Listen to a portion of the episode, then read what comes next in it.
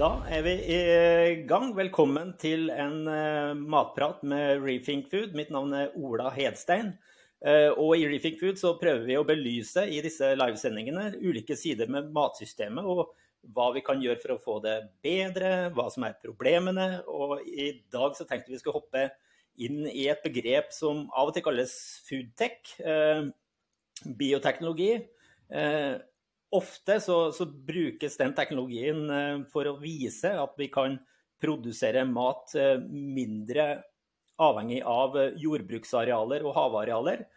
Og det er jo en viktig side ved det å gjøre matsystemet mer robust. At vi klarer å produsere mat, mer mat uten å måtte rive ned mer natur. Det er ikke så stort problem i Norge, men veldig stort problem i Sør-Amerika eksempelvis.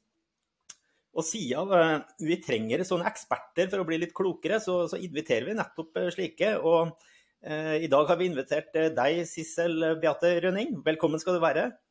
Tusen takk. Vi, du jobber jo på Nofima eh, og holder på med et forsknings- og fagfelt som antagelig er litt større enn det jeg vet om.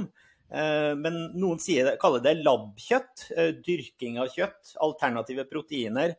Eh, men det er litt flere elementer i det. Jeg lurer på om kan du bare introdusere litt for oss. Eh, hva slags type forskning er det dere driver med i din enhet i Nofima?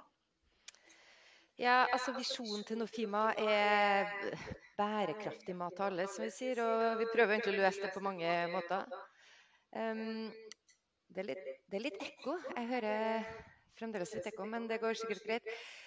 Det vi forsker på hos oss, er da det som vi snakker om med alternative proteiner. Dvs. Si, eh, plantebaserte proteiner eh, som vi prøver å lage til kjøtterstattere f.eks. Vi prøver å få inn eh, biprodukter tilbake igjen i næringskjeden ved at vi prosesserer de og, og, og, og endrer f.eks. kyllingskrog tilbake til, til næringskjeden. Eh, vi, vi, mm, holder på med tang og tare, og alle disse her er en del av det som heter alternative proteiner. Men det jeg konkret eh, kommer til å snakke om i dag, og som jeg regner med grunnen til at du har invitert meg, er er for at vi også skal prøve å dyrke i eh, nei, proteiner i laboratoriet. Eh, både ved eh, enten fermentering, at vi bruker mikroorganismer, eller at vi henter ut stamceller fra en muskel og så prøver å lage et kjøttstykke. Det var spot on, for det, akkurat det har jeg fått med meg. At det er noe i, i bevegelse der som, Eh, som jeg liksom umiddelbart syns høres eh, fantastisk attraktivt ut. Så kan vi begynne å dyrke proteiner sånn som vi dyrker planter, istedenfor å være avhengig av, av dyr og fisk. Mm. og det vil jo åpenbart ha noen, noen muligheter i seg, men det er kanskje ikke så rett fram heller. men hvis vi tar det til tar det til det du, du nevnte jo to sider her. Du sa fermentering, og så sa du mer sånn dyrking. Eh, ja. Fermentering kjenner vi jo til. Vi driver og fermenterer mm, rødløk, er vel veldig inn nå, ikke det det, heter? Jo, jo, jo. Eh, det er jo egentlig en veldig gammel teknologi, det at du bruker mikroorganismer til å endre på produktene. Og eh, den tradisjonelle måten man ser på fermentering, er jo yoghurt og brød og øl, som alle produkter som vi er nokså glad i.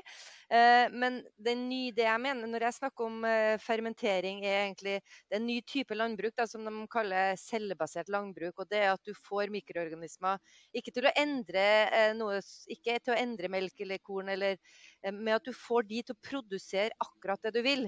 Sånn at det er veldig sånn presist. Og, og, det du, du, gjør med fermentering da, at du tar, eh, tar eh, noe du er interessert i, et eh, eggeprotein f.eks. La oss ta det som et eksempel. Eller melk. Eh, og så tar du det genet da for melk, gjerne fra ku, kumelk, og putter det inn i en la oss si en gjær. da. Så du, du kloner det inn. Og så da vil jo den gjæra eller bakterien, eller du kan gjøre det med planter og så, altså videre, da begynner den å produsere det du har satt inn i det genet du har satt inn i. Så da vil den produsere f.eks. melk, da. Så kan du, eh, eller melkeproteinet, det er et enkeltprotein. Så kan du høste det, og så da har du brukt eh, gjæra til å lage det melkeproteinet, istedenfor at du har henta melk fra kua. Så det er den ene kategorien av det nye cellebaserte landbruket, hvor du da bruker en mikroorganisme til å produsere noe, men hvor hvor det blir, det blir ikke med noe av den gjæra i sluttproduktet. Så, du, så, den på en måte kaster du, eller du kan bruke til andre ting. Men du bare får det proteinet. Men derfor, så, blir, ja. blir, det litt sånn uh, overforenkla og banalt hvis jeg sier at uh, så dere ser på mulighetene for at uh, gjærcellene vi har brukt til øl og vin, uh, mm. isteden skal bruke, skal, skal, at de gjærcellene skal erstatte kua? Eller er det rett og slett det som skjer? Det er jo egentlig Altså, jeg, jeg tenker jo ikke at det kommer til å erstatte kua, men det er, det er, jo noen som mener også at denne teknologien kan være med på å ja, erstatte kua, eller erstatte at du kan lage eggehviteproteiner uten at du trenger egget. Eller da ja. melk uten at du trenger kua. Og, og denne delen av den, den teknologien har kommet ganske langt. Dette er i salg allerede i USA, f.eks. Og, og det er også i Danmark så bygges det nå en kjempestor fabrikk som heter fra et selskap som heter Remilk, som mener da at de skal erstatte 50 000, eh, altså melk fra 50 000 kyr med denne nye teknologien. Sånn at uh, det her har kommet ganske langt.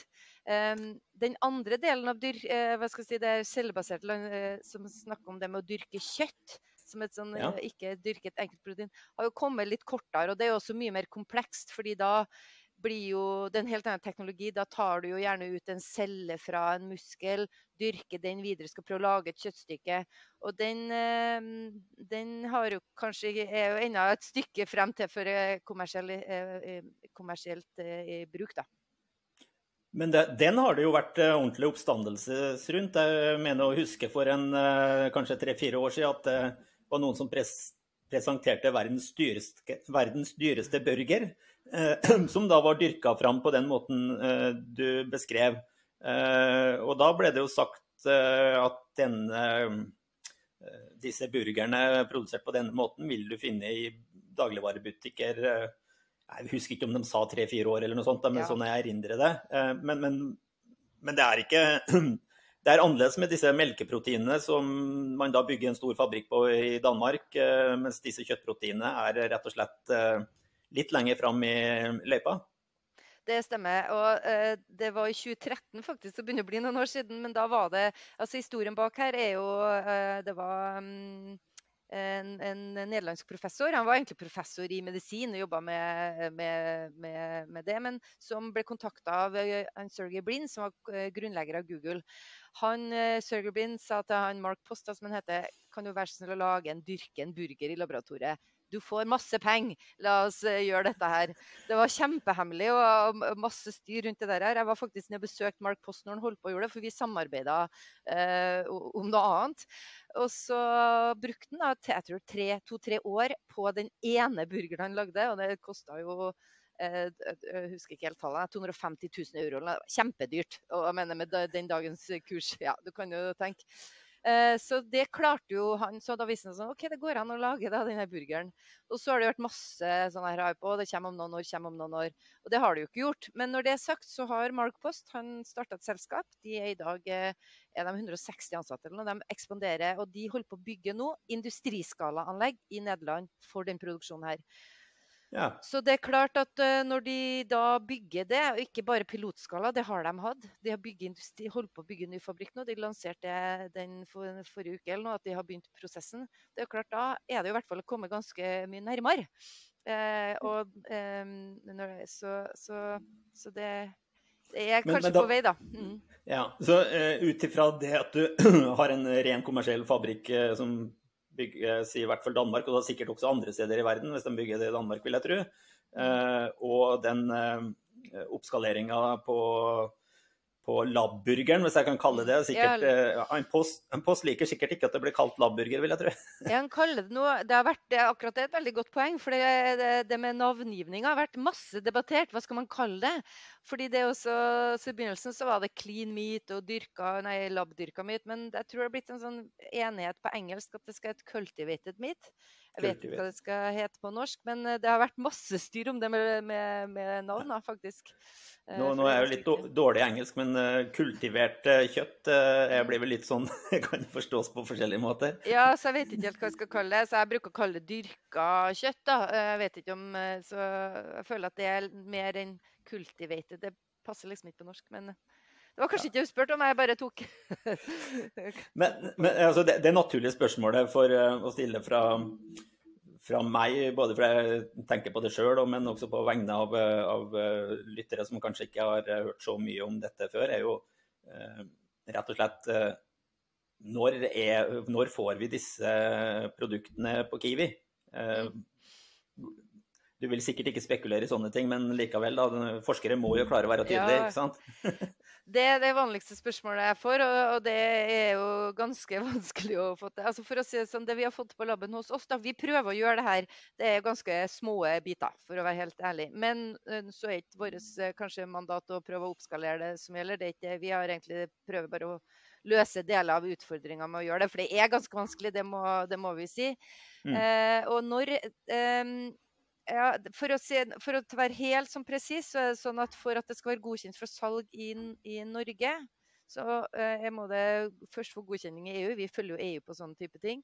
Dette her blir å betrakte som en ny, ny, mat, og da må det gjennom et sånt regelverk som er veldig bra. Det må på en måte bevises at ja, det er ikke farlig å spise, det er trygt å spise. Så det trenger ikke å bevise at det er sunt eller bra, men det må ikke være farlig, da.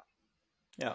Og det må også vise at du, du, må på en måte ha industriskala produksjon for å kunne også søke om den godkjenninga. Du kan ikke bare ha lab og du må vise også at ja, sånn, du må ha fem uavhengige produksjoner. Sånn. Så det er en del krav til den formelle for å få en sånn søknad godkjent. Og det EU-systemet, selv om de påstår at de er raske, så tror jeg det tar halvannet år fra du søker til du får en sånn godkjenning. Og så kommer Norge etter. Så helt, det kommer i hvert fall ikke til å skje uh, på et par år. Eh, for å være helt eh, veldig optimistisk i Norge. Um, Men det, Sissel, det syns, jeg syns jo det var betryggende å høre, egentlig, det du sa der. Jeg, jeg mener jeg har hørt noe om at det er et regelverk for novel food som, eh, som ligner på noe Ja, det er novel food. Mm. Det, det, er det, ja. Riktig. Ja. Eh, som rett og slett ikke skal slippe ut ny mat før den er sjekka av. Og det er vel kanskje sånne type regelverk eh, insekter og andre ja. nye matproduksjoner også må igjennom? Ja, det er det. Og det er jo bra, fordi det er ikke bare sånn Og det er jeg glad vi har det regelverket, fordi at uh, plutselig så er det ikke bra for oss. Sant? Og det må, vi, det må, vi, sjekke. Og det er ikke sånn at du bare kan pøse ut alt mulig av uh, Altså du må sjekke det. Tang, tare, planter, alle de tingene der. Hvis du tar i bruk ting som ikke, vært, som ikke vi vet helt, så må du du må gjennom å vise at dette her er ikke farlig. Så, og det, her, det, vil også gjelde det her med dyrka kjøtt. Og det er planteproteinene også. Ja. Nei, jeg, men, mener disse melkeproteinene. Unnskyld. Ja, riktig. riktig. Mm. Eh, men, men, da kan vi konstatere, da, eh, ut fra det jeg forstår, at eh, vi kan lage mat i industrielle lukka prosesser og da produktvarianter av melk og kjøtt Mm. uten å bruke jord og uten å bruke dyr. Altså, det er teoretisk mulig, og det er industrielt uh, mulig, ser det ut til. Ja, uh, helt enkelt så er det det. Eh, når det er sagt, så er det eh, Når det gjelder det med, særlig det med dyrka fisk og kjøtt, da, som det snakkes, så er det en sånn diskusjon hvor skal man ta de cellene fra. Jeg kan jo bare gå litt gjennom teknologien som Mark Post brukte da han lagde de, den burgeren. Det er nemlig det at i alle dyr og fisk og for, så vidt skalldyr osv. Og, så og insekter og alt, så er det Så vi har jo muskel, og i, en, i muskelen så ligger det altså det er jo, Jeg bruker å tenke på det nesten som en sånn pakke spagetti. Det er sånne lange fiber. Og så innimellom de fibrene så ligger det såkalte muskelstamceller som er inaktive. De ligger sånne hvilende celler. Det som skjer når du trener eller når du skader deg, er at de muskelspagettifibrene brekker. Disse muskelcellene våkner til liv vandrer bort til de, de, der du har knekt muskelen, deler seg og smelter sammen. Det er det som skjer i kroppen.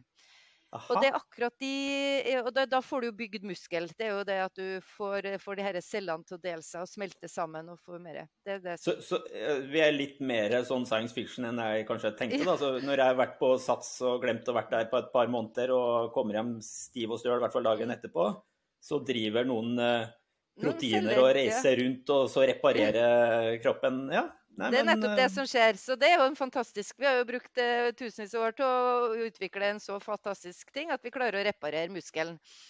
Eh, og det er jo akkurat det vi gjør eh, også da på lab, og det at vi vi, altså jeg driver på, drar til Nortura på slakteri der, henter en ytrefilet.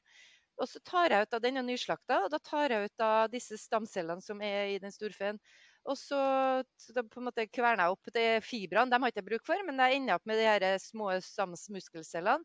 Og så vekker jeg dem til live i laben. Og det er egentlig ikke så vanskelig eh, å gjøre. Å få dem til å vokse i en laboratorieskål osv. Du kan få dem til å smelte sammen og lage fiberaktige eh, hva skal jeg si, og klarer til men Du klarer også, hvis du setter litt spenning på skåla, så klarer du å få dem til å begynne å kontrahere. da, altså de, eh, Sånn som muskel gjør. da. Ja, trene dem rett og slett. Ja, mm, ja du, kan, du klarer å gjøre. Elektrisk stimulering. Så, så, det er ikke så veldig vanskelig, faktisk. Og det er den teknologien han eh, brukte også. Så han henta da eh, stamceller fra ei ku, og så dyrka han det videre. Eh, men eh, hvis eh, eh, Det som er ulempen med de her stamcellene, er at de bare deler seg et visst antall ganger. Så blir de gamle, og, og så deler de seg ikke noe mer. Sånn at Nei. hvis du skal fø verden med det, så må du enten hele tida ha konstant tilgang av nye dyr som du kan hente fra. Og det er en løsning. Eh, ellers så må du gjøre noe med de cellene som vi har henta.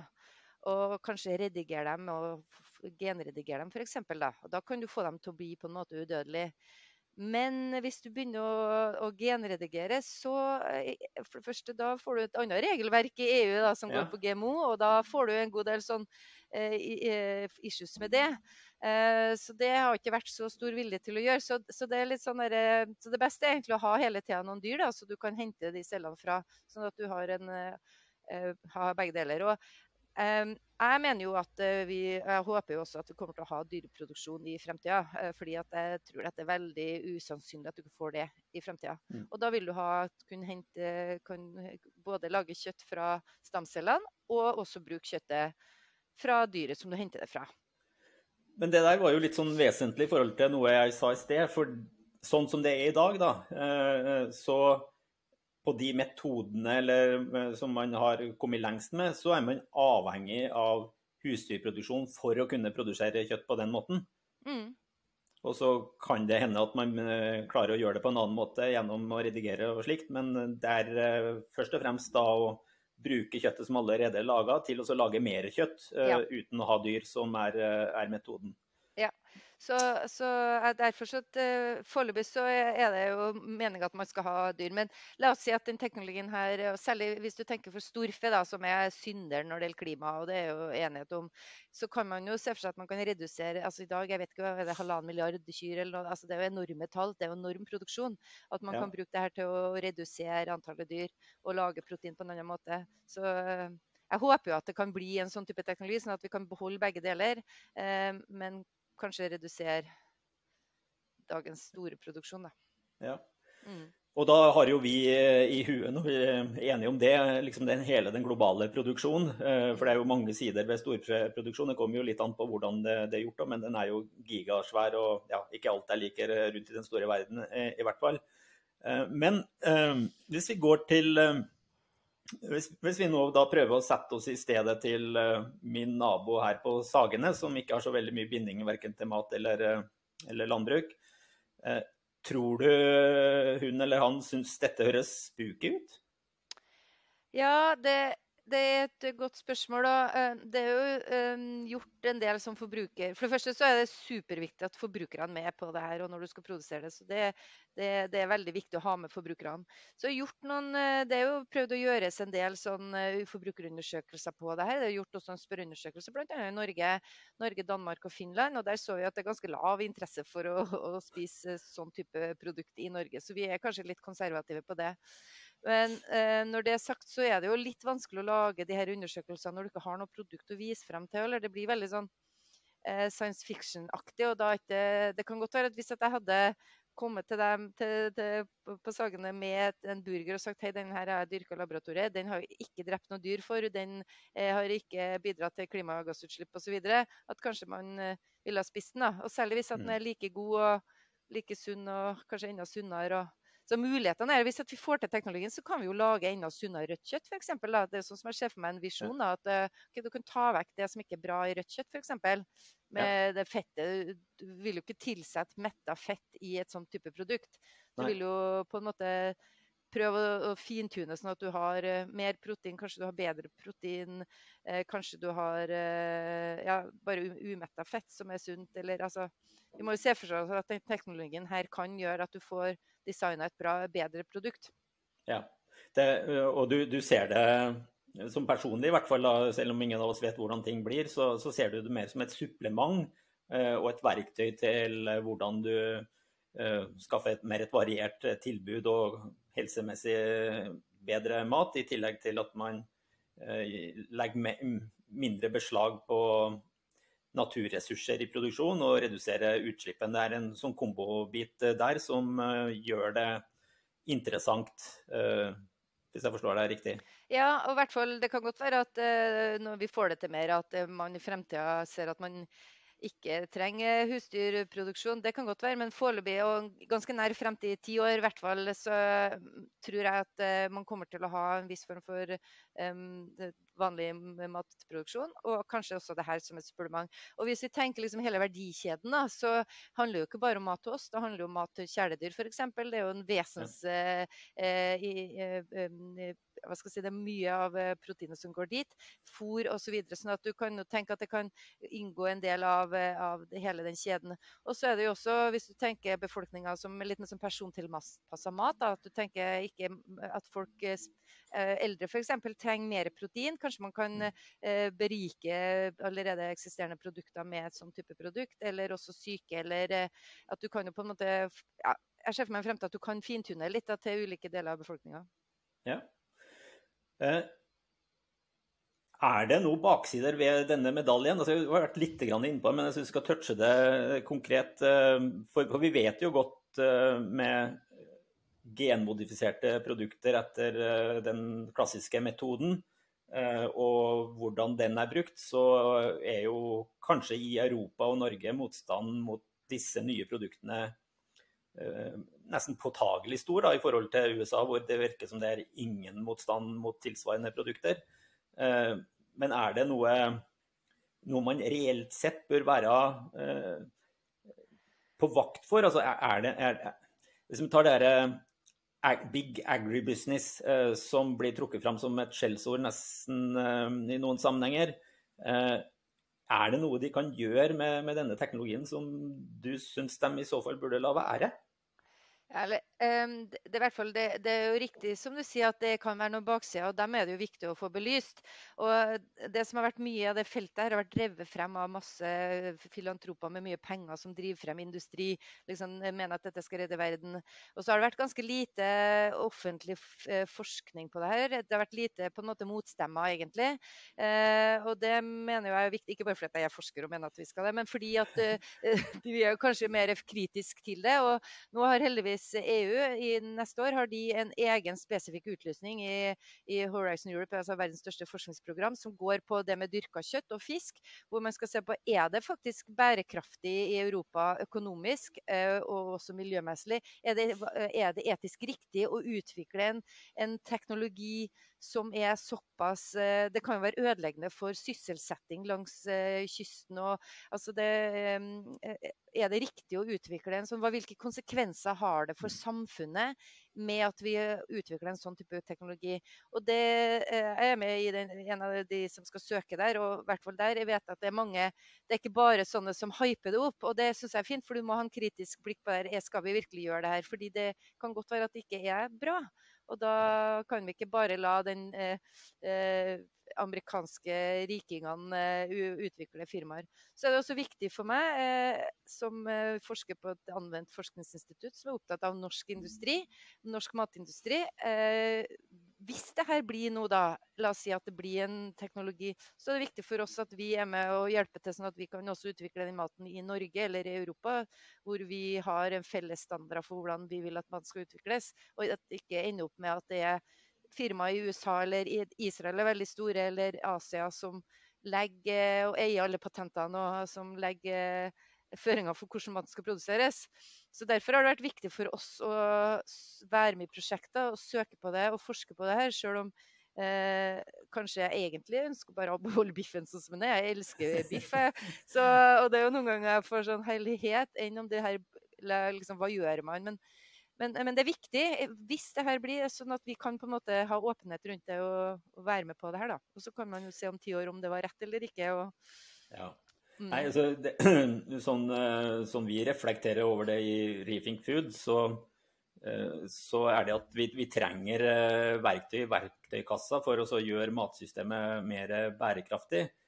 Og kunnskap og teknologi og ja, nyutvikling og videreutvikling på, på det området er jo noe som åpner for muligheter. Eh, så vi, vi er egentlig åpne for å framelske all teknologi, men vi er jo ikke eh, vi, vi mener jo også at vi må sjekke om det er en reell samfunnsnytte. altså Hvis det ikke er noe annet enn sånn kjekt å ha moro, eller rett og slett eh, til berikelse for uh, noen som har rik nok fra før, mm. så, så, så, er det jo ikke noe, noe, gevinst i det. og Da bør man jo ikke heller bruke, bruke ressurser på å dra, dra, det i gang, eller hjelpe det i gang, i hvert fall. Men ja, det er et viktig Men, poeng. og Vi har jo fått inn et, vi søkte å få inn et ganske stort prosjekt nå som begynner til neste sommer. Som, hvor du både har, har, det teknologiske for å se liksom, hvordan du kan lage det, men i tillegg så har vi en egen arbeidspakke på det med etikk. Eh, vi har også en egen arbeidspakke hvor, sammen med Ruralis som skal se på det som heter RRI, da, Responsible Research Innovation. altså Som du snakker om, det samfunnsnytte. Hva er samfunnsnytten? Hvordan, hvordan, eh, hvordan vi ja, skal se på det. Er, det. er det riktig å gjøre det? Så der, så vi har, og vi skal også ha forbrukerforskning med i det prosjektet. Så det blir veldig sånn tverrfaglig hvor vi skal prøve å belyse både det teknologiske, da, men også det samfunnsmessige og samfunnsnytte. Og, og er det ansvarlig forskning og gjøre det her. Så, så, det er jeg veldig glad for at vi får til et sånt prosjekt. Ja, det, det, må jeg rett og slett si jeg liker å høre. At man eh, får trukket inn det i, forskninga og bygga uh, den type kompetanse parallelt. Og kanskje sammen med dere som er eh, naturvitenskapelige forskere. Det er jo en sånn side ved også det norske, norske CRISPR prosjektet da, på genredigering og genteknologi, så har de jo òg krevd at det er en betydelig sånn forbrukerinnsikt som erverves mm. underveis. og det, det har ikke vært så vanlig før, har det det? Nei, det har ikke det, men de ser det er mange av utlysningene nå som på en måte krever det. og Det er klart, det er vanskeligere å drive sånne typer prosjekter, fordi at de mener at det, eh, de skal helst være litt dynamiske. at Hvis de ser at ok, dette her er ikke samfunnsnyttig, så skal du gå tilbake og endre prosjektet. og Det er klart, det er jo krevende. sånn jeg er jo veldig spent for det. Men jeg synes også det er bra at vi har det med. Så jeg gleder meg skikkelig til å gjøre det, selv om jeg skjønner at det kanskje kan bli litt vanskelig. Men det er riktig som du sier, det er nokså nytt at man har det med, men jeg tror det er viktig. Hvis vi ser litt stort på det, eh, så er det jo noe nytt som skjer når vi får vertikal dyrking av grønnsaker, urter, eh, hydroponiske anlegg hvor planter ikke bruker jord, men bare vann og næringsstoffer, og aquaponics-anlegg hvor man har en sammenheng mellom planteproduksjon og oppdrettsvirksomhet. Og så har man fermentering, og så har mm. man eh, dyrking av, eh, eller kultivering av proteiner. Tang og eh, tare og alle disse tingene. Ja. Eh, det blir jo mye på en gang hvis du liksom ikke har eh, forholdt deg til det. Men det, det var lyst til å spørre deg om, for jeg blir jo litt sånn inspirert over at det, dukker opp muligheter som, som, gir oss verktøy, eh, gitt at vi klarer å bruke dem rett. Men hva tenker du om liksom den eh, butikken din i 2030 eller 2035? Eh, tror du dette er, er, noe som eh, blir et sterkt supplement? og Tror du, det er en, tror du det er en trussel mot, mot, etablerte næringer? Du har vært inne på det, men runde av med liksom å se litt, prøve å grave i baksiden litt. Grann. Ja. Ja, altså det, jeg, tror jo, jeg tror vi alle må tenke litt nytt, eh, også de som produserer mat, på hvordan, eh, og at man må omstille seg litt. Og det er for så vidt kanskje en trussel på hvordan de lager mat i dag. Men, men la oss si, jeg har lyst til å bare trekke frem f.eks. lakseproduksjonen i dag, da, som importerer nå husker jeg ikke helt tallene, det er 90 av eh, fôret eller hva det er, importeres. Eh, la oss si at vi kan bruke noen av de nye alternative proteinkildene du snakka om inn i fôr til laksen f.eks. Sånn at du da bruker da enten dyrka Kanskje ikke dyrka kjøtt, fordi det, det, det, blir veldig dyrt å, å ta inn. Men la oss si at du bruker da tunicata eller eh, tare eller fermentert protein eller, eh, som kan erstatte den soyaen som vi importerer i dag. eller hva det er. Så da kan jo kanskje vi kan fremdeles ha lakseproduksjon, men at vi har nye alternative proteinkilder inn i fôret f.eks. Og det samme til landbruksdyrene. Um, og så kan man jo, altså Det er veldig mange av de sammensatte matproduktene i dag som du kan erstatte med andre eh, proteiner. Altså brød er én ting, eh, disse pølsene og burgerne og eh, hybridprodukter tror jeg kommer til å komme ganske fort. Altså at du har disse planteproteinburgerne som du finner i dag. Kjøtterstatter. Det, det finnes allerede i butikken. Det finnes i Kiwi. De mangler jo f.eks. en god fettkilde. Kanskje vi kan dyrke fett i laboratoriet. Det kan vi gjøre. Vi har snakka mye om dyrke kjøtt, men du kan dyrke fett òg. Sånn at du får da eh, sunt fett inn i de planteburgerne. Eller du kan også kanskje tenke sånn at ok, vi dyrker ikke kjøtt i laben, men vi dyrker eh, kjøttproteiner, og, og, sånn at de blir som en sånn smoothie du kan blande inn i disse planteburgerne, så får du opp proteininnholdet. Altså at man kan tenke litt sånn, da. Kanskje um, lage noen blandingsprodukter. Så jeg håper at det kan være muligheter, og ikke trusler til det eksisterende. Um når jeg hører eh, alt det du sier, en, del ting kjente jeg til fra før, men det er masse her som jeg ikke har fått med meg og ikke tenkt uh, like mye over som jeg gjør nå når jeg hører deg du snakke. Jeg syns du forklarer det veldig godt, hva som er uh, mulig og hva som er lenger framme. Uh, men det, det, jeg sitter igjen med akkurat nå, er sånn da, da, burde vi jo virkelig liksom lage en slags matmelding, matstrategi, hvor vi prøvde, oss, prøvde å leke oss litt med, med, disse teknologielementene for å se hvordan vi, vi kunne bruke dem eh, best mulig. Eh, gitt forutsetninger i Norge og Europa, selvfølgelig. Men, for, for, det er jo en Alt det du sier er jo en helt annen hverdag. Det er jo ikke ting som finnes. Vi har jo knapt inn, tatt inn over oss at eh, vi har fått eh, kommersielle fabrikker som uh, som uh, dyrker salat og urter. Uh, står, jo, står jo en fin en ute, ute i, Moss. Uh, det kommer helt sikkert flere. Mm. Og det gjør jo noe med, jo noe med, med, med både landbruksbiten og hvordan du foredler produkter, bare det at det begynner å komme. Men jeg tror ikke vi jeg har i hvert fall ikke tenkt så mye over det som jeg har gjort etter nå. Dyrking av fett eh, burde jeg sikkert ha fått med meg, men det, det har jeg ikke tenkt over. Nei, men det, det, er jo fordi det er litt nytt. Og så har det kanskje ikke vært, det har ikke vært en sånn enhetlig tanke på de alternative måter å produsere mat på. Fordi det, det har jo kanskje bare vært de siste fem-ti år, eller ja.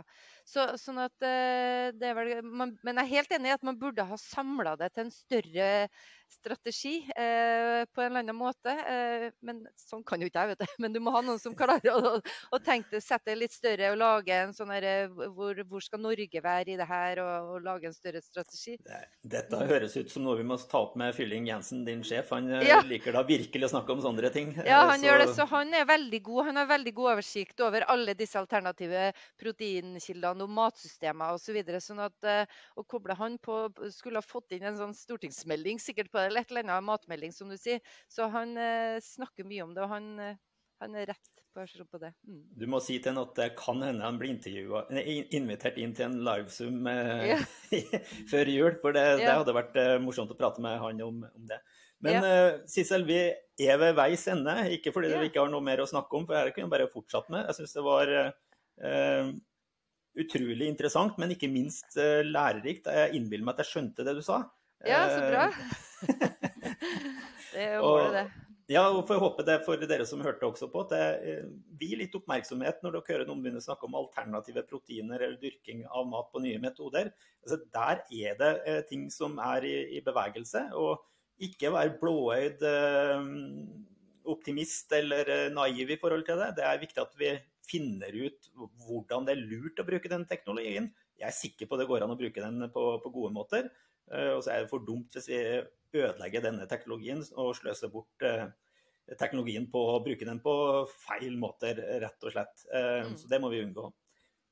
Tusen takk, Sissel. Jeg håper vi får fortsette å snakke om dette senere en gang. Ja, takk for invitasjonen. Ha det godt.